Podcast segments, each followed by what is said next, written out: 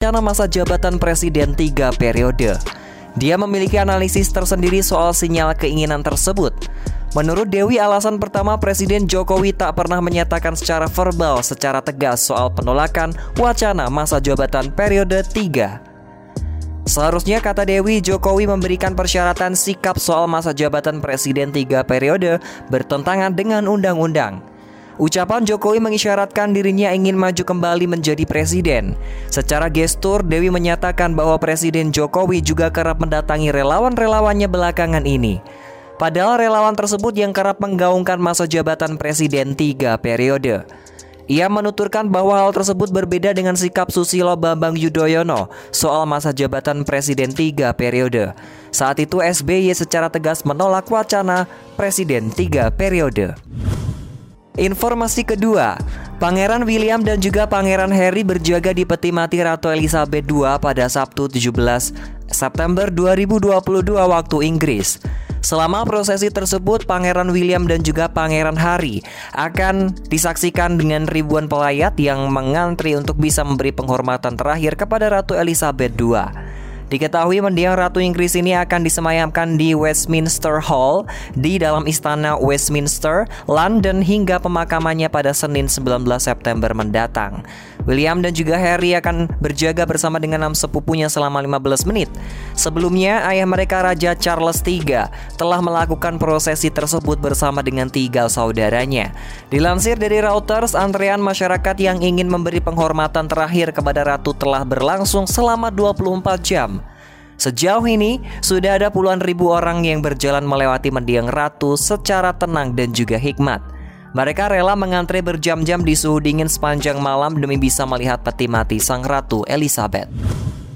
Informasi ketiga, Anak Ria Ricci sudah mendapatkan endorse hingga memiliki tabungan sendiri. Padahal Cut Raifa Aramoana baru berusia satu setengah bulan yang lahir pada 26 Juli 2022 lalu. Dikutip dari YouTube Trans 7 Official pada Sabtu 17 September, Ria Ricis bersyukur dengan rezeki putrinya tersebut. Saat disinggung perihal pendapatan dalam sekali endorse, Ria Ricis mengaku tidak menahu. Hal terpenting adalah Moana sudah memiliki pendapatan sendiri sejak dini. Lebih lanjut, Ricis juga membenarkan dirinya telah melatih Moana untuk berenang. Bahkan Ria Ricis mengetahui bayinya, Moana, masih memiliki insting untuk berenang.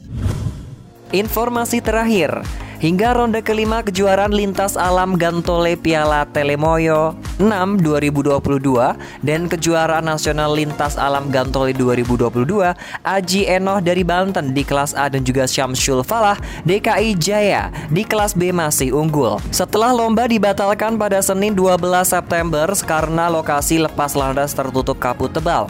Pada Selasa 13 September hanya kelas B yang terbang maka baru pada Rabu 14 September, Kamis 15 September dan Jumat 16 September, pilot kedua kelas bisa menjalani lomba sesuai dengan tugas kelas masing-masing. Pada nomor lintas alam terbatas atau Race to Goal atau RTG, pilot diharuskan terbang melewati beberapa titik dalam waktu tercepat, sesuai dengan soal yang dibuat direktur lomba dan dewan pilot atau perwakilan pilot. Misalnya lepas landas di Gunung Telemoyo, lalu menuju ke Kampung Java atau pabrik air mineral Java, Candi Songo, Museum Kereta Ambarawa, dan Jembatan Tuntang dengan garis akhir setelah memasuki lingkaran radius 2 km, kawasan persawahan Balu Gajah, Desa Candi, dan mendarat di persawahan Desa Sraten. Humas dan Koordinator Media Kejuaraan Piala Telemoyo 6 2022, Tagor Siagian dan Direktur Lomba Edgar Eka Putra mulai mengizinkan para pilot terbang open window pada 13.15 waktu Indonesia bagian Barat seusai sholat Jumat pada 16 September kemarin. Demikian empat informasi terupdate hari ini dan jangan lupa untuk terus mendengarkan Tribunnews Today hanya di Spotify Tribunnews Podcast dan juga YouTube tribunnews.com. Tetap patuhi protokol kesehatan 3M dengan memakai masker, mencuci tangan atau menjaga jarak. Saya Hakim pamit, salam sehat untuk semua, sampai jumpa. Tribunnews Today